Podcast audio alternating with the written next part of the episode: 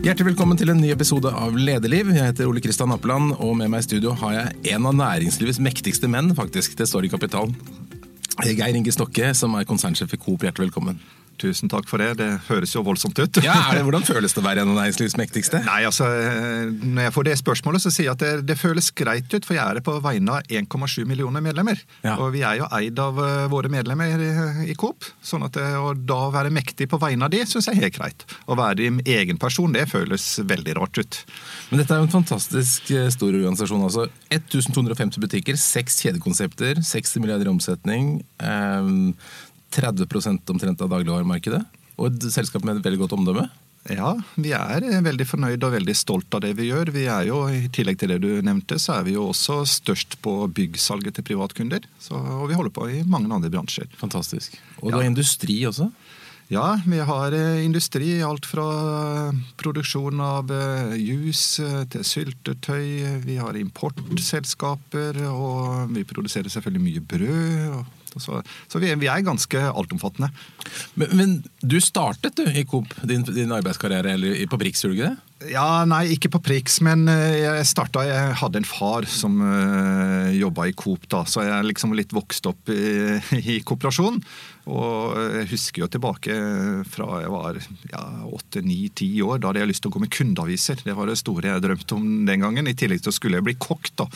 Men eh, jeg fikk ikke lov til å gå med kundeaviser, og jeg fikk heller ikke lov til å jobbe i Coop eh, eller i butikk eh, før jeg var eh, Arbeidsuka var det første gang jeg fikk lov til å jobbe sånn ordentlig, da. Men jeg var jo med rundt all over hele veien. Og vi hadde jo tyverialarmen var jo kobla til eh, den gangen til vår eh, telefon hjemme. Sånn at når det ringte midt på natta, så visste jeg hva som skjedde. Så da var jeg veldig rask i klærne. Så jeg var med på noen sånne eh, turer rundt hvor vi skulle prøve å fakke tyver, for å si det sånn. Spennende. Det var veldig spennende. Hvordan var den Coop-butikken du vokste opp i i forhold til de butikkene dere har i dag? Ja, Det er veldig veldig annerledes. Hele bransjen er jo blitt helt annet profesjonalisert eh, der. Tidligere kan du si at det var folk som jobba i butikk, hadde jobba i butikk i hele sitt liv og jobba i alle forskjellige posisjoner. Men nå er det jo spesialister på IT, det er spesialister på logistikk, det er spesialist på avrop eller innkjøpssystemer. altså Det er spesialister på område til område. Så, så det er en eh, det har skjedd enormt mye i bransjen, og enorm utvikling. Og, og bransjen ligger utrolig langt framme på veldig veldig mange områder.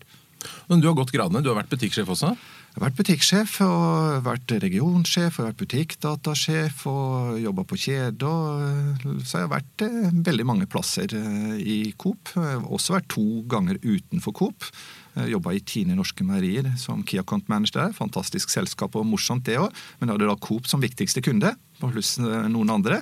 Og så har jeg da jobba i reklamebransjen i et selskap som heter Incognito. Og da hadde du også Coop som viktigste kunde? Ja, også var Coop viktigste kunde, så ellers har jeg vært i Coop, da.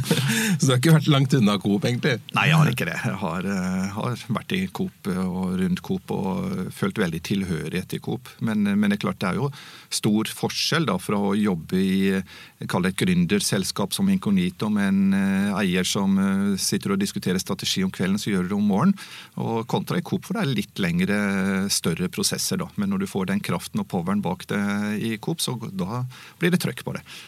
Det er jo um, en stor utvikling på det digitale, som du sa. Du ble kåret til årets digitaliseringsleder nettopp.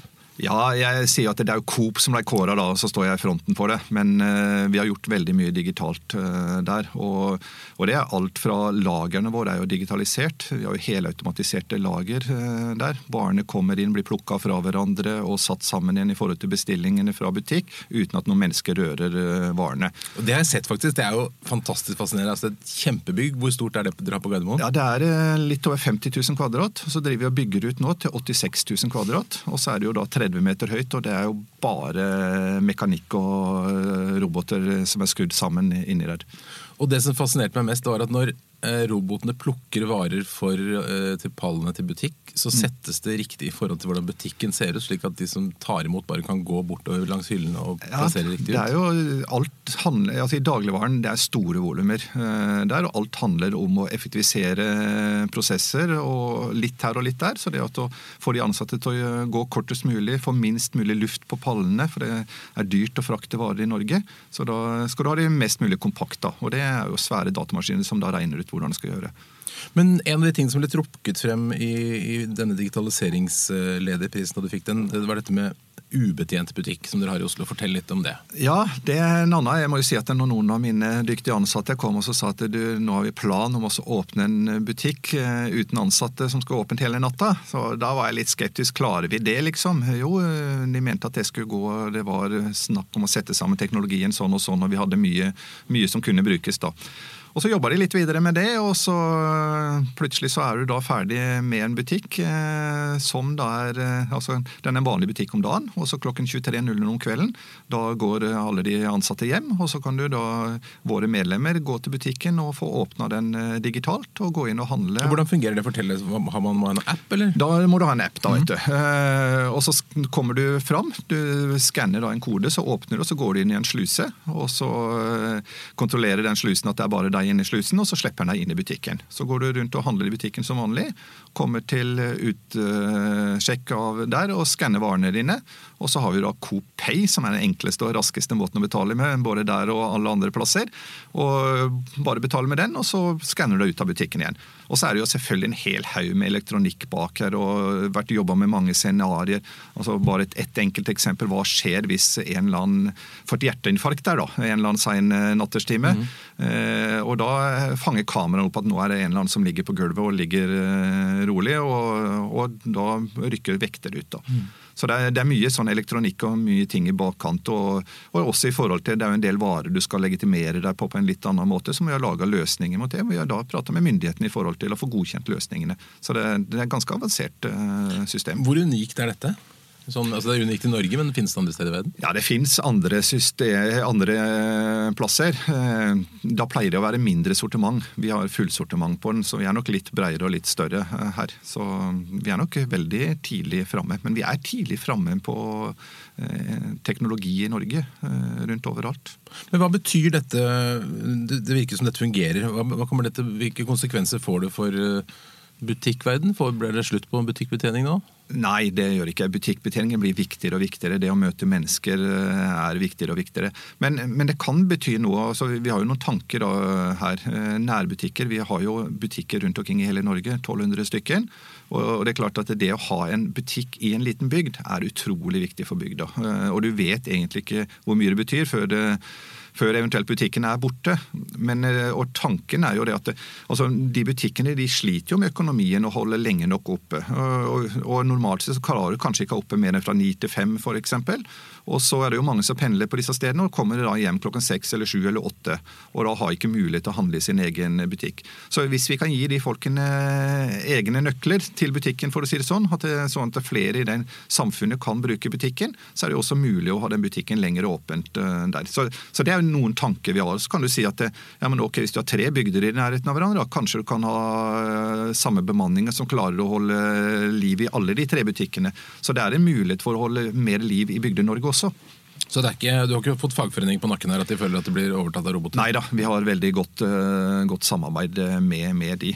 Men det er klart at veldig mye handler jo også om å effektivisere bransjen og jobbe mer strukturert. Uh, Dagligvarebransjen får jo mye kjeft av og til for at matvarene er dyre i Norge. Men eh, hvis vi går tilbake til 1960, så brukte vi 40 av inntekten vår til mat. I dag bruker vi rundt 11 av inntekten vår til mat. Og det er jo effektivisering som har skjedd under, underveis her. Sånn at vi, Maten er ikke dyr i forhold til det vi tjener i Norge. Men likevel mye klaging? Ja, det er eh, noe klaging på det. Og det er jo litt, eh, jeg synes litt politikere og omverdenen er litt sånn eh, strenge mot oss også i forhold til å klage og lager et bilde i avisene på at maten er veldig dyr. Og det, er den ikke. Og samme også i forhold til sortimentet også, så får vi veldig mye kjeft for at ikke sortimentet er stort nok. Men faktisk er det så mye som 70% som sier at de er fornøyd med sortimentet i sin nærmeste butikk. Og så tror jeg det er viktig å tenke på at den nærmeste butikken er ofte en lavprisbutikk. da. Sånn at Hvis du går til et supermarked, så er eh, de fleste veldig veldig fornøyd og finner alt det de skal ha. Så er det vel sånn at Vi kjøper ikke så mange varer heller? Er det ikke, Hver familie har et ganske lite sett med ja, varer man det kjøper? Er, det, er, det er nesten litt sånn skremmende hvis du begynner å se på hvor mange matvarer vi eh, kjøper eh, der. Eller du kan se på hvor mange middager du spiser. Og, og hvis du tar med julemiddagen og pinnekjøtt eller ribbe eller eh, torsken eller hva du spiser, så, så, er det ikke så mange som har mer enn 20-30 forskjellige typer middagsretter i løpet av et år. Altså. Og så sirkulerer vi med de. Og samme på matvarene, så er det veldig mye av de samme matvarene vi er vokst opp med når vi var små. De merkevarene er veldig sterke i Norge. Vi liker det trygge? Ja, vi liker det trygge. Og så har vi nok kanskje blitt litt uh, mer og mer til å prøve nye ting uh, der, men vi er kanskje litt treige. Og bare ta et eksempel. Tacoen. Altså, i dag, Nå er jo det det største som er, holdt jeg på å si, men eh, faktisk det går tilbake til begynnelsen av 90-tallet, så spiste vi ikke taco. Og det, Da solgte vi så vidt taco, og det solgte du på demonstrasjoner når du var i supermarkedbutikkene. Og så har den jobba inn og så blitt så stor som den har blitt. da. Og sushi er vel også en var veldig eksotisk også, Ja, det, det, det fins noen sånne som, eh, som, som, kommer, og så er det noen som forsvinner. Eh, men vi er, vi er, veldig Vi går veldig mye i våre vanlige vaner. Men tilbake til dette med pris. Eh, altså, nå hadde jo Konkurransetilsynet nettopp en razzia hos eh, leverandører, hvor det ble påpekt at de ga så mye rabatt. Mm. Og sånn og det ble påpekt at uh, Norgesgruppen som er størst, fikk opp til 15% rabatt, og dere sier at det var sjokkert og var så mye osv. Men uh, fra utsiden så virker det heller litt rart, for uh, det er jo sånn i alle bransjer at en stor kunde får lavere priser. Er ikke det helt greit? Og det, og det, er ganske vanlig. Og det er jo en del av forhandlingsteknikken. Når du driver og forhandler, så er det volum gir bedre pris.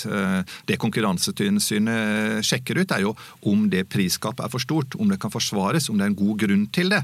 For hvis eh, prisen blir brukt da, for å styre markedet eller regulere markedet på en eller annen måte, enten det er fra leverandøren eller eh, noen av kjedene, så er det jo det de er på jakt etter å, å, å, å gripe fatt i. da. Sånn at eh, Det er noe av den sjekken som de gjør. Og det er klart at Når et par av våre kunder eller leverandører prater om den prisdifferansen der, så, så føler ikke vi oss komfortable med det, og kommer til å ta noen runder med de eh, leverandørene. helt klart. Men Det er da grovt sett tre aktører i markedet. Norgesgruppen som er størst, og så er det dere og Rema som er de to mindre, og så deler markedet mellom dere. Og um, Dere blir jo alle hele tiden overvåket av VGs handlekurve. Forskjellene i priser er jo ikke veldig store. selv om du selvfølgelig vil si at ekstra er billigst. Så betyr det da at Norgesgruppen stikker av med veldig mye mer margin? da? Nei, jeg, jeg jeg selvfølgelig si at ekstra opp så da er billigst på dagligvare. Men, eh, men, men, det er ut så er det veldig liten eh, forskjell på prisene. Det, mm. det varierer litt hvem som vinner forskjellige prisundersøkelsene. Og vi har jo prisjegere som er rundt omkring butikkene til hverandre og, og skanner gjennom butikken. Og hvis vi finner at en av våre konkurrenter har lavere pris, så justerer vi prisen ned. Så, så, så sånn sett så er jeg jo veldig imponert over at vi i Coop eh, klarer å være billigst, da, eh, hvis jeg bruker det ordet. Også, mm. Og hvis konkurrentene da gir oss dårligere priser inn. Da er det jo noe vi gjør smartere og bedre. Eventuelt så har vi jo mindre utbytte, da. Men ellers kan jeg si at det er veldig mange prater om at det er tre eiere i norsk dagligvare. Og Da sier jeg at nei, det er 1 702 eiere. For det er jo da Coop som er 1,7 millioner, og så er det de to private konkurrentene vi har da. Ja, Tror du kundene er bevisst nok på det at når de handler i Coop, så handler de hos eh, en butikk som er eid av dem selv og naboen? Nei, de er ikke det. Mange er veldig veldig bevisst på det, men verken eh, kunder eller politikere er godt nok bevisst på det. Så vi prøver jo å fortelle at eh, hvis du handler i Coop, så er det annerledeskjeden. Eh, da går, eh, får du din del av overskuddet istedenfor at det går til noen eh, rike andre private konkurrenter av oss. Da. Så, mm. så vi prøver jo å fortelle det budskapet gang på gang. da gjennom reklamefilmene med amerikaneren og mm, osv. Mm, så, mm, så det er, det er, et viktig budskap å fortelle at Coop er annerledeskjeden. Kjøp hos Coop, og så får du din del av overskuddet istedenfor å putte det inn andre plasser. Mm. Men den situasjonen da med lavere priser til Norgesgruppen enn til dere andre, hvordan tenker du at det skal løses? Skal, skal myndighetene si at dere må på, vil de pålegge Tine og Ringnes Orkla og alle andre til å selge til like priser? Hva tenker du der? Nei, Jeg tror det er en veldig krevende vei å gå. Det er noe som diskuteres, og det gjøres en stor utredning nå. Vi har jo sagt at vi er positive til alle utredninger som gjøres. Og, så, og hvis det er noe som kan eh, gjøre at eh, markedet blir sunnere, da, så, så, skal vi være positive til det. Og I og med at vi er eid av kunden, så skal jo det som lønner seg for kundene, skal også lønne seg for Coop. Så, så det er jo liksom vår, vår tilnærming til det. da. Eh, men, men, det er klart det er jo krevende å gå inn og regulere et marked. Eh, og vanskelig også. Men er det for lite konkurranse i dagligvaremarkedet? For jeg i hvert fall opplever Det du sier, det løper rundt og ser på prisene til hverandre og skrur ned. Sånn, det, er, dette er, det er virkelig Formel 1 i forhold til konkurranse. Ja, altså Vi eh, i Coop vi opplever som beintøff konkurranse. og Vi slåss om pris hver eneste dag. Vi slåss om å effektivisere oss hver eneste dag. Vi slåss om kundelojalitet hver eneste dag. Vi slåss om eh, beliggenheter på tomter, arealer. Vi slåss til og med på sponsoratsida, liksom. Så vi konkurrerer på alle områder og opplever at det er veldig, veldig tøft. Men det at det, det er tøft for Coop, eh, er ikke sikkert at det er det samme som at det er et sunt marked. Det kan være at eh, det er mekanismer i det norske markedet som gjør at det, kanskje en aktør er for stor, og at det kanskje ikke er sunt. Eh, Og Det syns jeg er fint at folk undersøker. Og, og For å dra en parallell, hvis jeg går til storhusholdningsmarkedet, der er det to aktører. og Den ene aktøren, som er Norgesgruppen, har en ekstremt stor markedsandel. og Der vil jeg påstå at det ikke er et sunt marked. Og Da gjelder det jo for politikere og konkurransemyndigheter å passe på at ikke dagligvaremarkedet beveger seg inn eh, og, og, og får et usunt marked. Men det er ikke så lett for myndighetene for, å snu på dette? Dette er ikke lett eh, for myndighetene i hele tatt. Og, og sånn sett så jeg, jo, jeg liker jo folk som søker kunnskap og får uh, før de tar beslutninger. Og la jo, Nå har vi jo næringsministeren Isaksen, og han, første gangen han var og prata på, og jeg hørte han, da skulle han gå inn veldig raskt og gjøre grep i dagligvaremarkedet. Så var han litt rundere i kanten eh, der, for han sier at det er krevende. Og jeg, og jeg har veldig respekt for folk som da skjønner at dette er ikke så enkelt. For at hvis du skrur på feil knapper eller eh, feil bryter, så kan det bli verre. Så det gjelder å finne de riktige mekanismene, og det, det er krevende eh, for de, og Derfor så er det jo viktig å gjøre godt forarbeid og, og sende det på høring og, og kjenne litt på det. Og så ser du jo det at det, eh, at det er forskjellige grupperinger og konkurransen, og noen har jo tatt konklusjoner på hver sin side før rapporten kommer. og Der prøver vi å være litt mer avventende Da. Men med all den oppmerksomheten på da, forholdet mellom kjedene og leverandørene, kan det hende at kjedene blir ytterligere motivert til å satse på egne merkevarer istedenfor å for, for andre Ja, altså vi, vi satser jo på mye på egne merkevarer. Mm. Utgangspunktet så må jeg si at eh, sett fra Coop, vi ønsker jo eh, å satse på merkevaren der. Og så er det noen ganger hvor vi ikke er konkurransedyktige på pris, sånn at vi må gjøre av prishensyn for å få billigvarer i, i bånn. Og så er det noen ganger hvor vi syns de er litt treige med å lansere nye ting. Og det har det kanskje blitt mer og mer av de siste, hvor vi da også har høyprofilerte egne merkevarer. Og jeg sier eh, litt sånn for å utfordre bransjen og ha NM i kjøtt, eh, hvor da Coop nå tok 16 medaljer og 7 gullmedaljer og eh, norgesmester osv. Det er jo ikke Coop som burde tatt det. det jo, leverandørene burde jo være den som vant mest her, og være den, de som driver kategoriene og jobber med det. Men eh, vi bruker mye kundeinnsikten og, og prøver å skjønne hva kundene vil ha, og så lanserer vi produkter deretter. Men dere var tidlig ute. Jeg husker jo de blåhvite varene til samvirkelag. Det Ja. sto sånn sjokoladevare så veldig nøytralt. Det var jo starten på egne merkevarer. Ja. Det var jo når Coop lanserte blåhvite varene med, med nye prispunkter, helt billig, uten markedsføring. Og, ja. og uten, for det, det koster jo å markedsføre og bygge merkevarer. Så Det var kanskje 70-tallet? eller noe sånt? Ja, jeg tror jeg lurer på kanskje 80-tallet, Ja. men, eh, men i de tider. Mm. Eh, ser, kommer, vi til å bli, kommer det til å bli mer av det fremover? At uh, merkevarene avhenger av hvilke kjeder vi da går i? Ja, alt av trender sier det. Eh, Hvis du ser eh, internasjonalt, så, så, så øker EMV, da, eller egne varemerker. Mm. I Norge så ligger vi på 20-21 eh, nå, men, men det øker. Men det betyr at makten tipper enda mer i favør av dere kjeden i forhold til leverandørene igjen, da? Det gjør det på de områdene. Så, så jeg tror at det, det for å være merkevareleverandør, så er det å ta vare på merkevaren sin. Og så skal det sies at det, av og til så høres det ut som bare dagligvare store stygge, men, men det, av merkevareleverandørene så er det jo mange av de som på sin kategori har en 80% markedsandel. Så, så, så de er eh, store og kraftige, de også. Og, og, og, men da er det viktig å ta vare på merkevaren.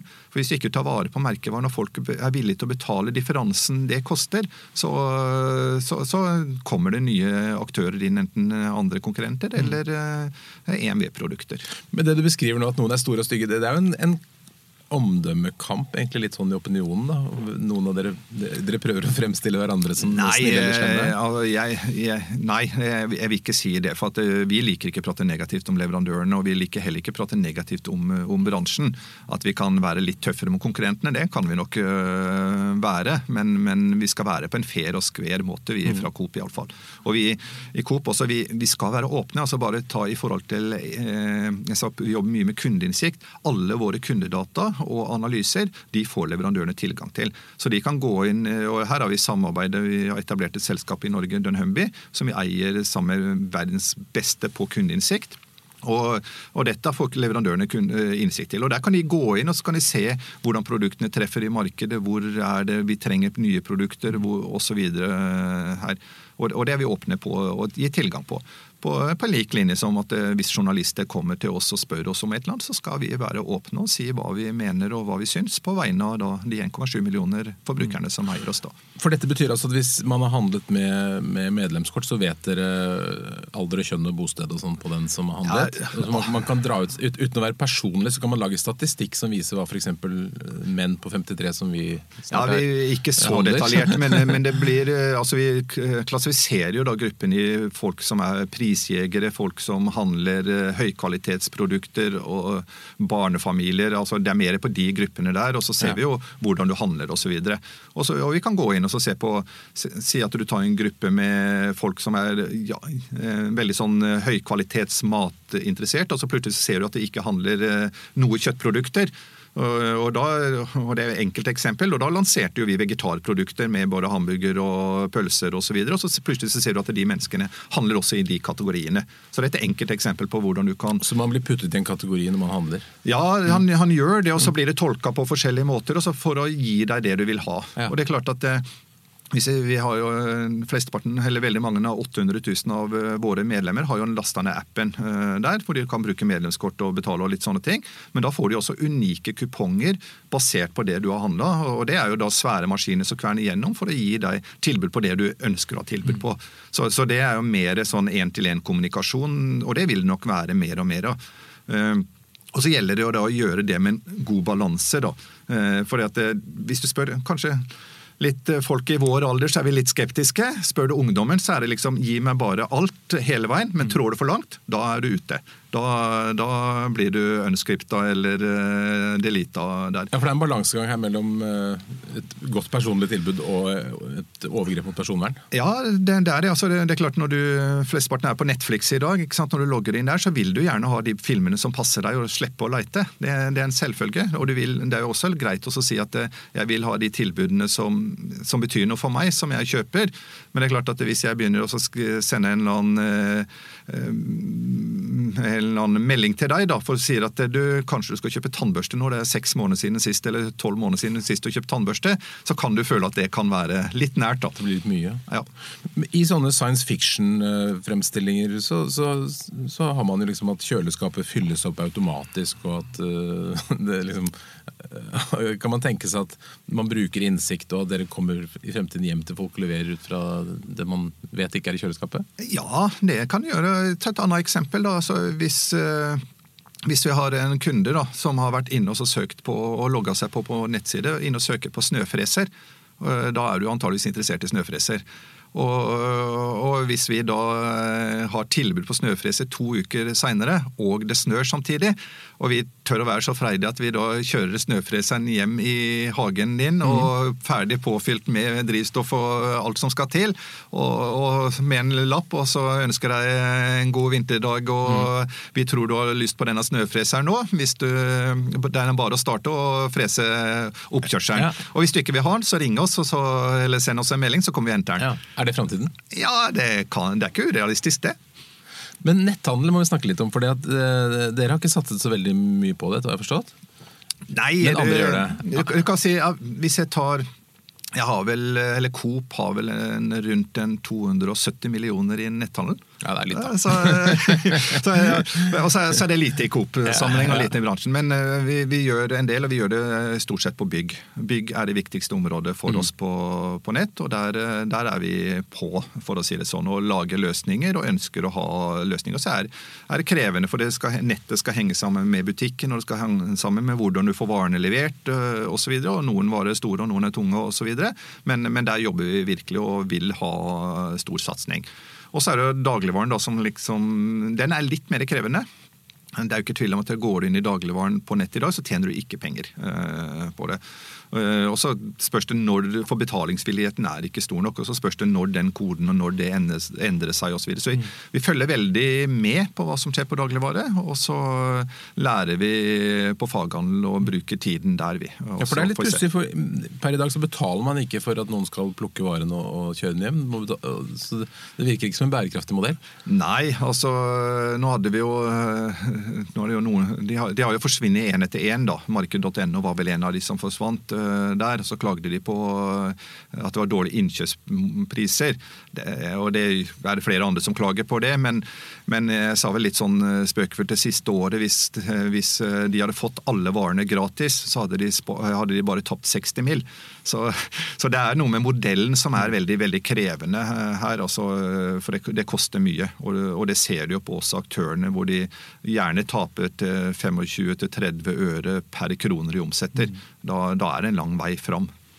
Så folk må lære seg å betale for tjenestene før dette skal bli noe? Ja, det, det er én del av det. Og så er det klart at eh, logistikken er en annen del av det. Og så er det klart at det, eh, å finne den riktige måten å levere varene på også. Det, det høres jo veldig behagelig ut å, å få varene hjem, eh, men Veldig ofte så kan en tenke på ja, når er jeg hjemme, da? Skal jeg være hjemme og ta imot de, eller skal noen låse seg inn? Jeg vil ha noen som skal låse seg inn i hjemmet mitt. Stoler jeg på de?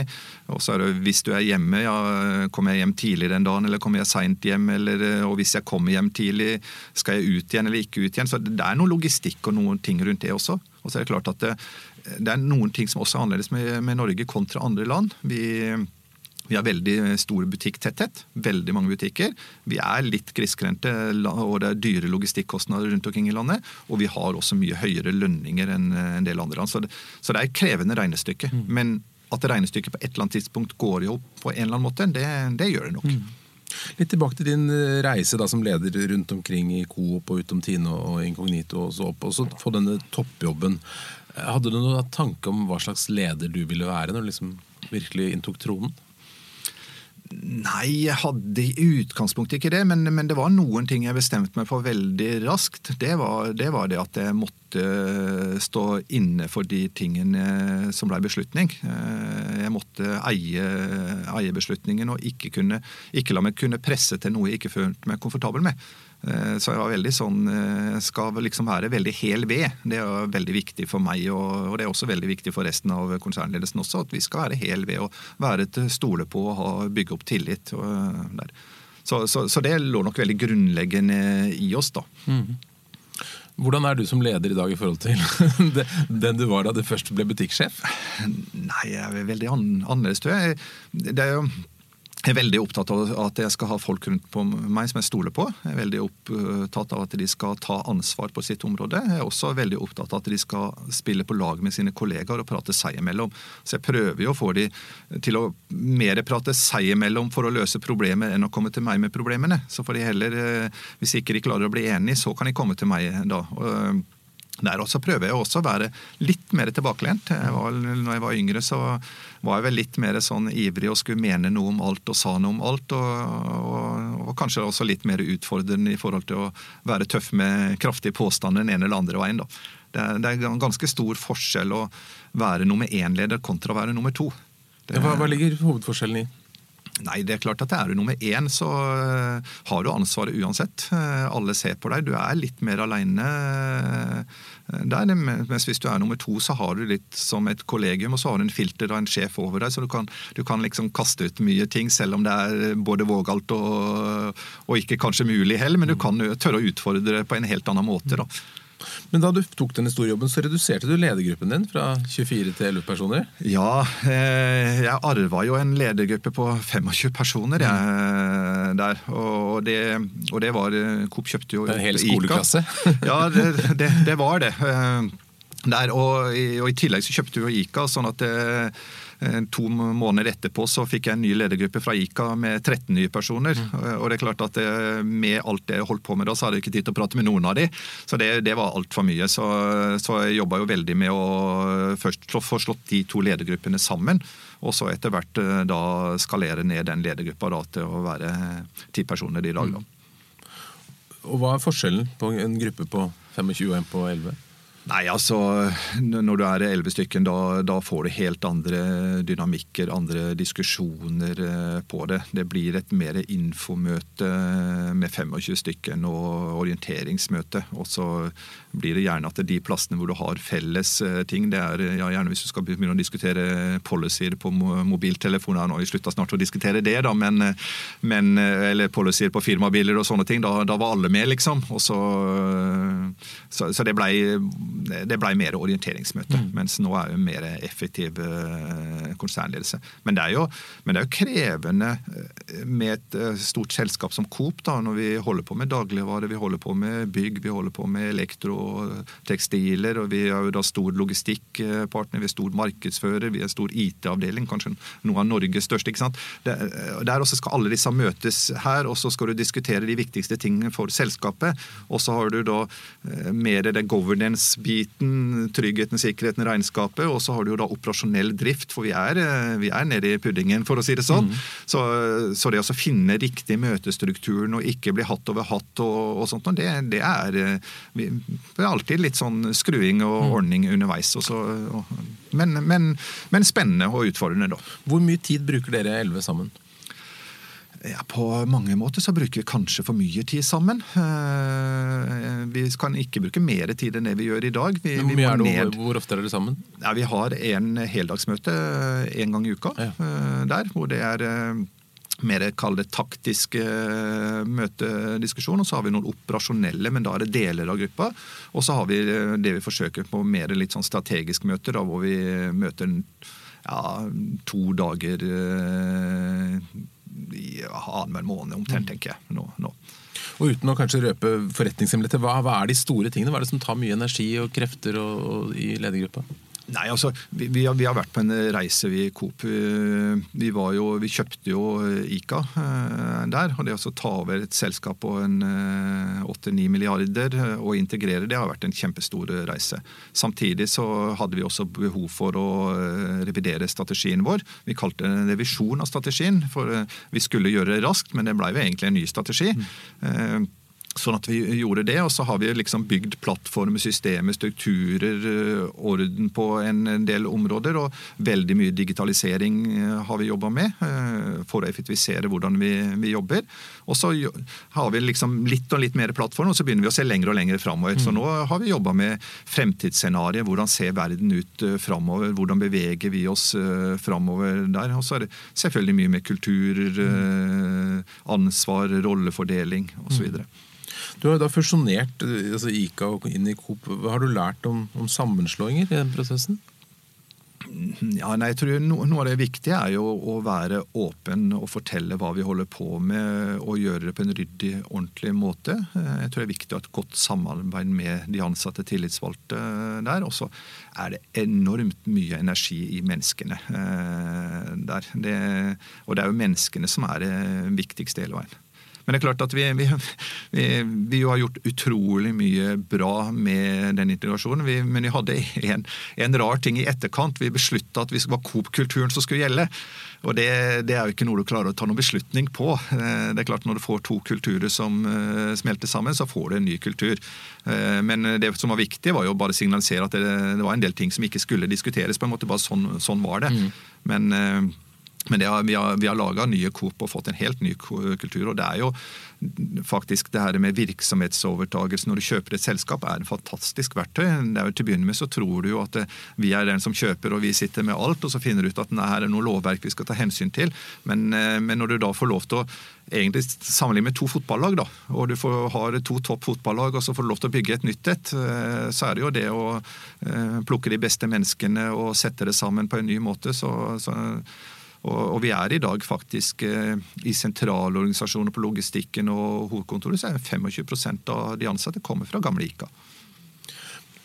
Eh, med et så enormt stor organisasjon, masse mennesker, masse virksomheter, sånn, hvordan klarer du å velge hvordan du skal bruke tiden din? For du har ikke flere timer i døgnet du enn hos andre? Nei, jeg er litt urettferdig. Men jeg pleier, jeg pleier, å si det eneste som er rettferdig her i verden, det er at eh, tiden er, Vi har 24 timer i døgnet, alle mann, og så skal du gjerne sove litt og ha litt familie.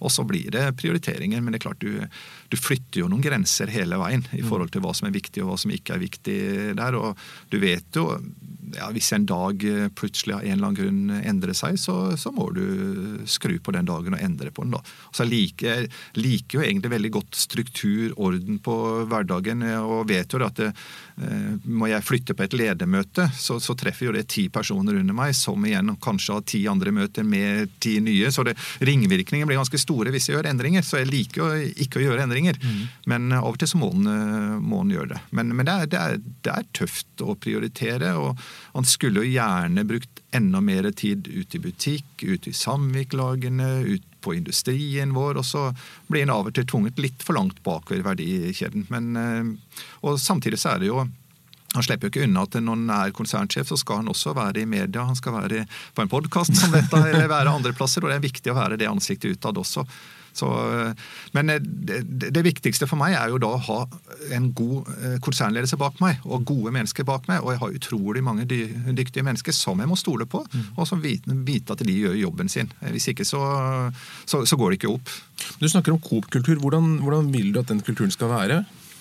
Vi har jo våre kjerneverdier eh, i forhold til eh, ærlighet eh, er jo en ting der. Vi skal ha omtanke. Vi skal være innovative der, og vi skal være litt nytenkende. Og så skal vi ha grunnverdiene med egenarten. Altså, for det her med egenarten, altså det at vi er eid av våre kunder, det er jo gullet vårt, egentlig. Så klarer vi å fortelle alle norske forbrukerne at det faktisk Hvis du går og handler i den og den butikken, så er det du som eier butikken. Du er med å bestemme litt i denne butikken her og du får din del av overskuddet her.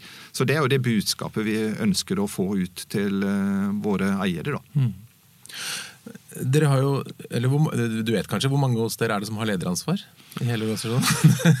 det nei, det har, jeg ikke, eh, har ikke et tall på. Jeg, jeg har en sånn utvida altså Jeg har noen sånne ledersamlinger ja. eh, der. Da, da, samler jeg en rundt en hundre stykker. har jo vært eh, da pluss Men da er du ikke på butikknivå? Da er jeg ikke på butikknivå. Det Men det, det, det, er enormt, ikke sant. Mm. Eh, hvis du bare tar butikksjefer, mm. så er det ikke sant, en 1200. Tar du en mm. OBS der, så kan en OBS ha en omsetning på ja, mange hundre millioner. Mm. og Da har du mange ledere ja. på flere nivåer eh, nedover eh, der. Så det, det, det, er veldig veldig, veldig mange ledere. Hvordan ønsker du at de lederne skal være? Hva tror du er det viktigste for å være en god leder i, i Coop-systemet? Jeg tror det viktige er å, å, stole på sine ansatte, være forbilder for dem mm. og, og, kunne coache dem, men å gi dem tillit. Eh, tillit er utrolig viktig. Og det er klart at eh, Uansett i en organisasjon, da, hvis du tar eh, Coop i Norge da, med 28 000 ansatte, eh, uansett hvordan du skrur, skrur det, så, så er det det toppene, da, hvis du sier at det er 200 mennesker da, mm. som er på et toppnivå, de har jo ikke sjanse til å gjøre jobben. Det er jo de 28 000 ansatte og de som er, eh, jobber mot kundene, som er de viktigste. Mm. Og det er klart at Når du er i en butikk, det også møte den der eh, Eh, fantastiske ansatte som smiler eh, og tar imot deg og gir deg ekstra service, det er en helt annen hverdag enn eh, de som kaster posen etter deg, for å si det sånn. da. Mm. Så at det å bygge den der kunden først-forståelsen Vi har jobba veldig mye med kunden først der. Vi har alle i sentralorganisasjonen har gått på kunden først-kurs og liksom skjønne hvorfor er vi til. Jo, det er for å gi medlemsnytte for våre kunder og for våre eiere. Og det er det vi må jobbe med og skal levere på. Du har 28 000 ansatte i dag, og så raser da roboten inn på lager og selvbetjent. Hvordan ser dette ut, tenker du, om ti år? Nei, jeg tror ikke det er så mye færre ansatte. Jeg tror det, jeg tror, eh, altså, det her med kundeservice eh, det er enormt viktig. Og jeg tror ikke vi klarer å forstå hvor mye power og mye kraft det ligger i det. Eh, vi i Norge er egentlig ikke all verdens beste på kundeservice. Det ligger ikke helt i naturen vår i forhold til en del andre. Nå har jo bare så svenskene når de var på restaurantbransjen her, nå har de snart forsvinner igjen. Mm. Men, men altså, de hadde en litt annen service og tilnærming enn det vi i Norge har, for det ligger ikke helt naturlig til oss. Men når det er sagt, så er det utrolig mange som er utrolig gode og flinke der også, og vi har jo sånne eksempler på Altså folk som eh, Når noen kommer inn i en butikk og så skal de ha en eh, eh, bløtkake, og så er det for seint å bestille fra bakeri, og så er det faktisk folk som går hjem og baker bløtkake for de ansatte eller for en kunde der. Vi har folk som har malt huset sitt med feil farge, og det, det har de ikke skjønt før det var ferdig. Men, men så har vi faktisk butikkansatte som da har sagt at nei, ok, la oss rykke ut til den ansatte, og så maler vi hele huset, eller til den kunden, og så maler vi huset om. Da. Så det, det er jo enormt mange sånne kundeopplevelser. Har, eller folk som har glemt lommeboka og så sier ja, men jeg løser det for meg, jeg betaler for deg, og så vippser du meg i kveld mm. osv. Så, videre. så det, det, det, er, det er mange fine storyer. Det blir man jo litt rørt av. Ja. Eh, Jeg opplever at, eh, eller jeg har sett at dere har et godt omdømme blant unge. Eh, Er dere også sånn at dere er gode til å tiltrekke ungdom til som arbeidskraft? Ja, det, det, vi, vi, du nevnte vi har jo vunnet Omdømmeprisen nå to år på rad. Fantastisk stolt over det. Og det som er morsomst, det er at det er faktisk de under 24 som scorer oss eh, høyest. Og det syns jeg er eh, morsomt. Vi ser jo også at det er der vi får flest nye medlemmer, det er blant ungdommen. Så, så det, det, det er vi stolt av. Men klarer du også å tiltrekke dem som arbeidskraft? Ja, det, det gjør jeg. vi enormt mange som har lyst til å jobbe i, i Coop eh, nå. Og nå sitter vi jo nede på Barcode og hele den rekka bort fra konsulenthus her. Vi har, vi har stappfullt av søkere fra alle de beste konsulenthusene som vil jobbe i Coop. Og, og det er jo fordi vi gjør veldig mye spennende uh, der, men jeg tror også det at vi er annerledes. Uh, det å jobbe en plass som bryr seg om eh, samfunnet og bærekraft på en annen måte, tror jeg også betyr mye for, for mange. da. Og så gjør, gjør vi mye spennende, da. Hvis det kommer en ung person til deg da, som sier Geir Inge, jeg skal bli som deg, jeg skal bli konsernsjef. Ja. Hva er de tre rådene du gir for å bli en god leder? Jeg, jeg tror no, Noe av det som er viktig, er jo det å levere der den er. Eh, Det å virkelig stå på i de stillingene han har. Eh, Det, det er jo noen som liksom eh, av og til lener seg litt tilbake igjen og, så, og venter på å bli oppdaga. Det, det, det blir du ikke. Men folk, og du ser hvem som gir den ekstra lille jernet, og som står på og leverer. Jeg så innsats i alle stillinger der, det tror jeg er utrolig viktig hele veien. Så tror jeg det er viktig å ha med seg en del kjerneverdier. eh, For det eh, ser du og merker du på folk om de har med seg de rette verdiene. Så nummer tre Jo, jeg tror, jeg tror det gjelder å være aktiv. Eh, Og hva, hvis vi er aktive? Jo, det å være med på prosjekter eh, der. Det å ta videreutdanning, lese bransjeblader, eh, følge med på nyhetsmeldinger, oppsøkende på hva som skjer rundt oss. Vi er, vi er veldig mange som er flinke på det i Norge, og vi har jo den sosiale kanalen i dag, det er jo informasjonsflyt som er helt helt enormt. I gamle dager så titta vi jo i posthylla vår og så så vi hva som kom inn, og så leste vi og gikk gjennom det. Men i dag så må du ut og så må du søke og få informasjonen og kunnskapen sjøl. Hvor er det du finner mest inspirasjon? Det er blant mine egne ansatte. Det er uh, alle tipsene og alt det de kommer med, og alle de ideene de har. Uh, det, det, det er viktig. også. Så liker jeg å følge med litt på uh, litt sånn gadget og litt forskjellig på nettet. Sånn, han er jo på, rundt på andre ting også. der. Men det er de ansatte som gir mest inspirasjon og ideene. Geir Inge Stokke, tusen takk for at du kom til Lederliv. Bare hyggelig.